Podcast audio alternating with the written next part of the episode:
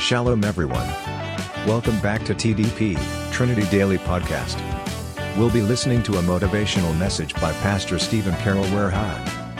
Make sure you listen until the end, and don't forget to share the link to your friends and family so they can be blessed as well. All right, Pastor Steve, the mic is yours.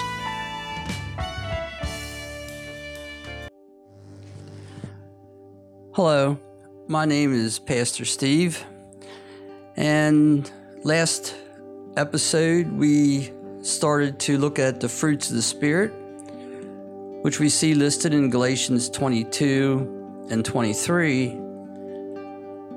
and they are like this. But the fruit of the Spirit is love, joy, peace, long suffering, kindness, goodness, faithfulness, gentleness, self control and against such there is no law. So we we looked at how the fruit of the spirit is just one fruit wrapped in love. It's not many different ones. We're expected to exhibit all these things. And we saw how um, the fruit of the Spirit was God's desire for us and how important it is for us to exhibit that in our everyday daily lives. When we exhibit the fruit of the Spirit, it shows possession over profession. And what I mean by that is this we can say whatever we want, but people are going to see certain things in us. And so we could say but if they don't see what we say in us, they're not going to believe it. But when we exhibit the fruits of the Spirit, it shows that we are children of God. It shows that we belong to God. So exhibiting the fruit shows possession over profession. And today we're going to look at love. Love is what wraps all the other fruits together, it holds them all together. Love is is part of all of them.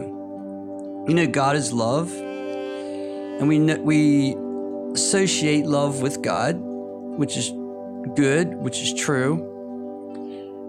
And love is really the most important thing. You know, if we were to look at Mark chapter 12, verse 30, it says, Love the Lord your God with all your heart, with all your soul, with all your mind, and with all your strength. And this is what Jesus said was the most important commandment. So loving God is so important. You know, the greatest fruit is also love. Galatians 5:14 tells us this. For all the law was fulfilled in one word, even in this, you shall love your neighbor as yourself. Which is actually the second greatest commandment. So we see how, how important love is. And we see that God showed us that love first. You see, he love is important for us to love God and to love others. But see, God loved us first. John 3:16, for God so loved the world that he gave his only begotten Son, that whoever believes in him should not perish, but will have everlasting life. And in and it's the greatest virtue, which we see that in 1 Corinthians 13, which is a, a whole entire chapter about love. And we see that in verse 2. Well, actually, we'll start in verse 1. Though I speak with the tongue of men and of angels, but have not love, I have become sounding brass or clanging cymbal. And though I have the gift of prophecy and understanding all mysteries and all knowledge, and though I have all faith, so that I could remove mountains, but have not love, I am nothing. You see, love is so important. Without love, not much else matters. Jesus is saying, God is telling us that love is important.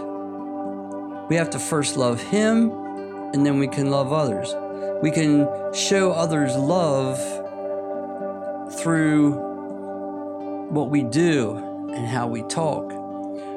But, But first, we have to love God because to exhibit the love that God wants us to exhibit to others, to, to really have this fruit of the Spirit, it starts with our relationship with God.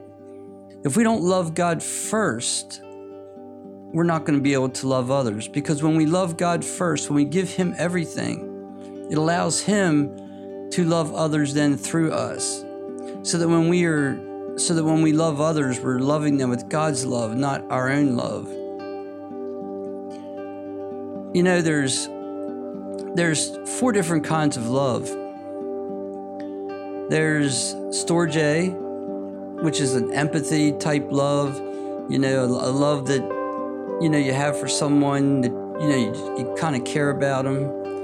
Phileo, a friendship type love, family type love, and then there's eros, which is um, an erotic type love, a romantic type love. But then there's agape love. And that's the love of God. That's that's the love that God showed us. The agape love is unconditional. It doesn't depend on what we do. It doesn't depend on anything else. It just depends on the fact that God loves us. That's agape love. You know, the other the other types of love, they can change. They can go up and down. They can go different directions depending on how we feel about that person or how that person treats us. But the agape love is different. It's unconditional. You see, the bottom line is this love is a choice, it's not just an emotion. You know, their emotion can go along with it for sure. I mean, if you love your, you know, you love your husband, your wife, your kids, or, you know, whoever, there's emotion that goes along with it for sure. And there's nothing wrong with that. That's good. But when things go bad, when, when the person that you love says something that you don't like, that disagrees with you, then love becomes a choice. You choose to love them still. And this is the type of love that, that God expects for us. This is the type of love that we're talking about here. It's a love that that transcends everything else. You know, and, and love is also an action. You know, it's easy, like I said, to say that you love somebody. You know, the word love is used a lot today. You know, people say, "Oh, I love my car. You know, I love my kids.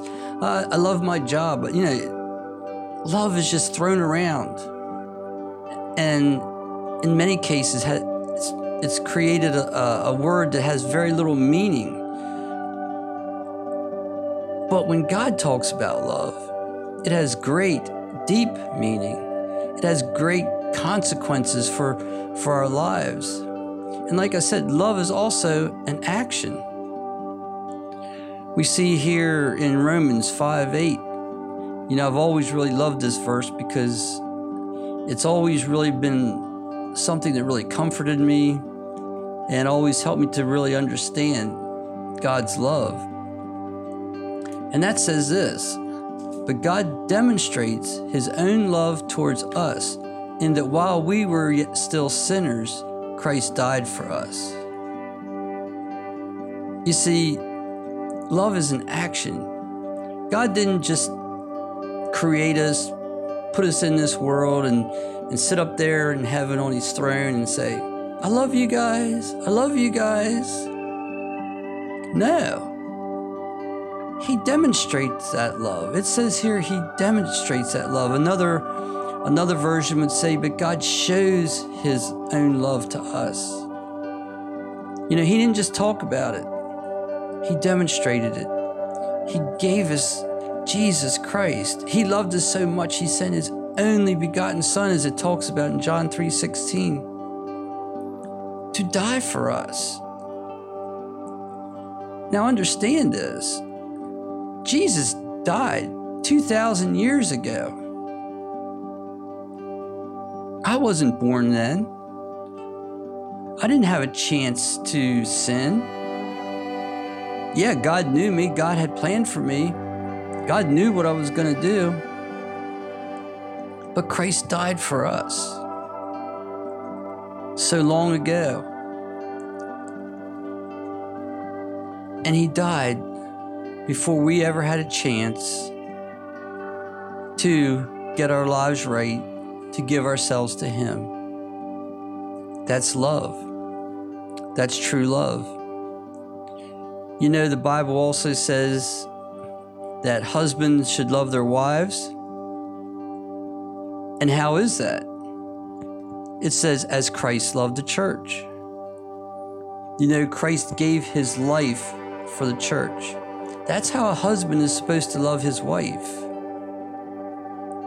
You see, this idea of love is very important in God's kingdom, in God's economy. You know, I've heard it said before that love makes the world go round. Well, the world's going to go around one way or the other, but love makes it work a lot better. Love would, would smooth things out. You know, there's there's very very little love in the world today. A true love that cares about the other person first, that puts them first, that is willing to sacrifice for someone else. And this is what true love is all about. True love is a sacrificial thing, a willingness to give to others, to not take for yourself, to give expecting nothing into return, to love them when they don't love you back. This is what true love is. This is what the fruit of the Spirit is. This is what we are supposed to exhibit. This is this is a Christ-like quality. This is God Himself. Love is very important. Love is so important that it's listed as the most important thing. So I would challenge you today where do you stand on this? Do you love others unconditionally? Or is it the type of love that changes with how they treat you or how you feel that day or the mood that you're in. We need to really we need to to come to terms with this in our own lives. Ask God to help you. Ask God to to help you to to come to the point where you love God with everything that you have, allowing him then to love others through you. Let us pray. Dear Lord and Heavenly Father, we do thank you and praise you for your word. We thank you for this first fruit of the Spirit, which is love. Lord, we ask you to forgive us of the times that we've misused this word, that we've misused this term, where it wasn't really real in our lives, where the love that we showed was selfish, wanting for ourselves. And help us to love others the way Christ loved the church, the way you loved us, unconditionally exhibiting that Christ like love. But Lord, help us to first give ourselves to you totally, to love you totally, to make our relationship with you the most important thing so that when we when we love others it'll be with your love and not just with ours. Your perfect love not with our imperfect love. In jesus name we pray. Amen. Thanks for listening Hope you are blessed. See you again in our next podcast. God bless you.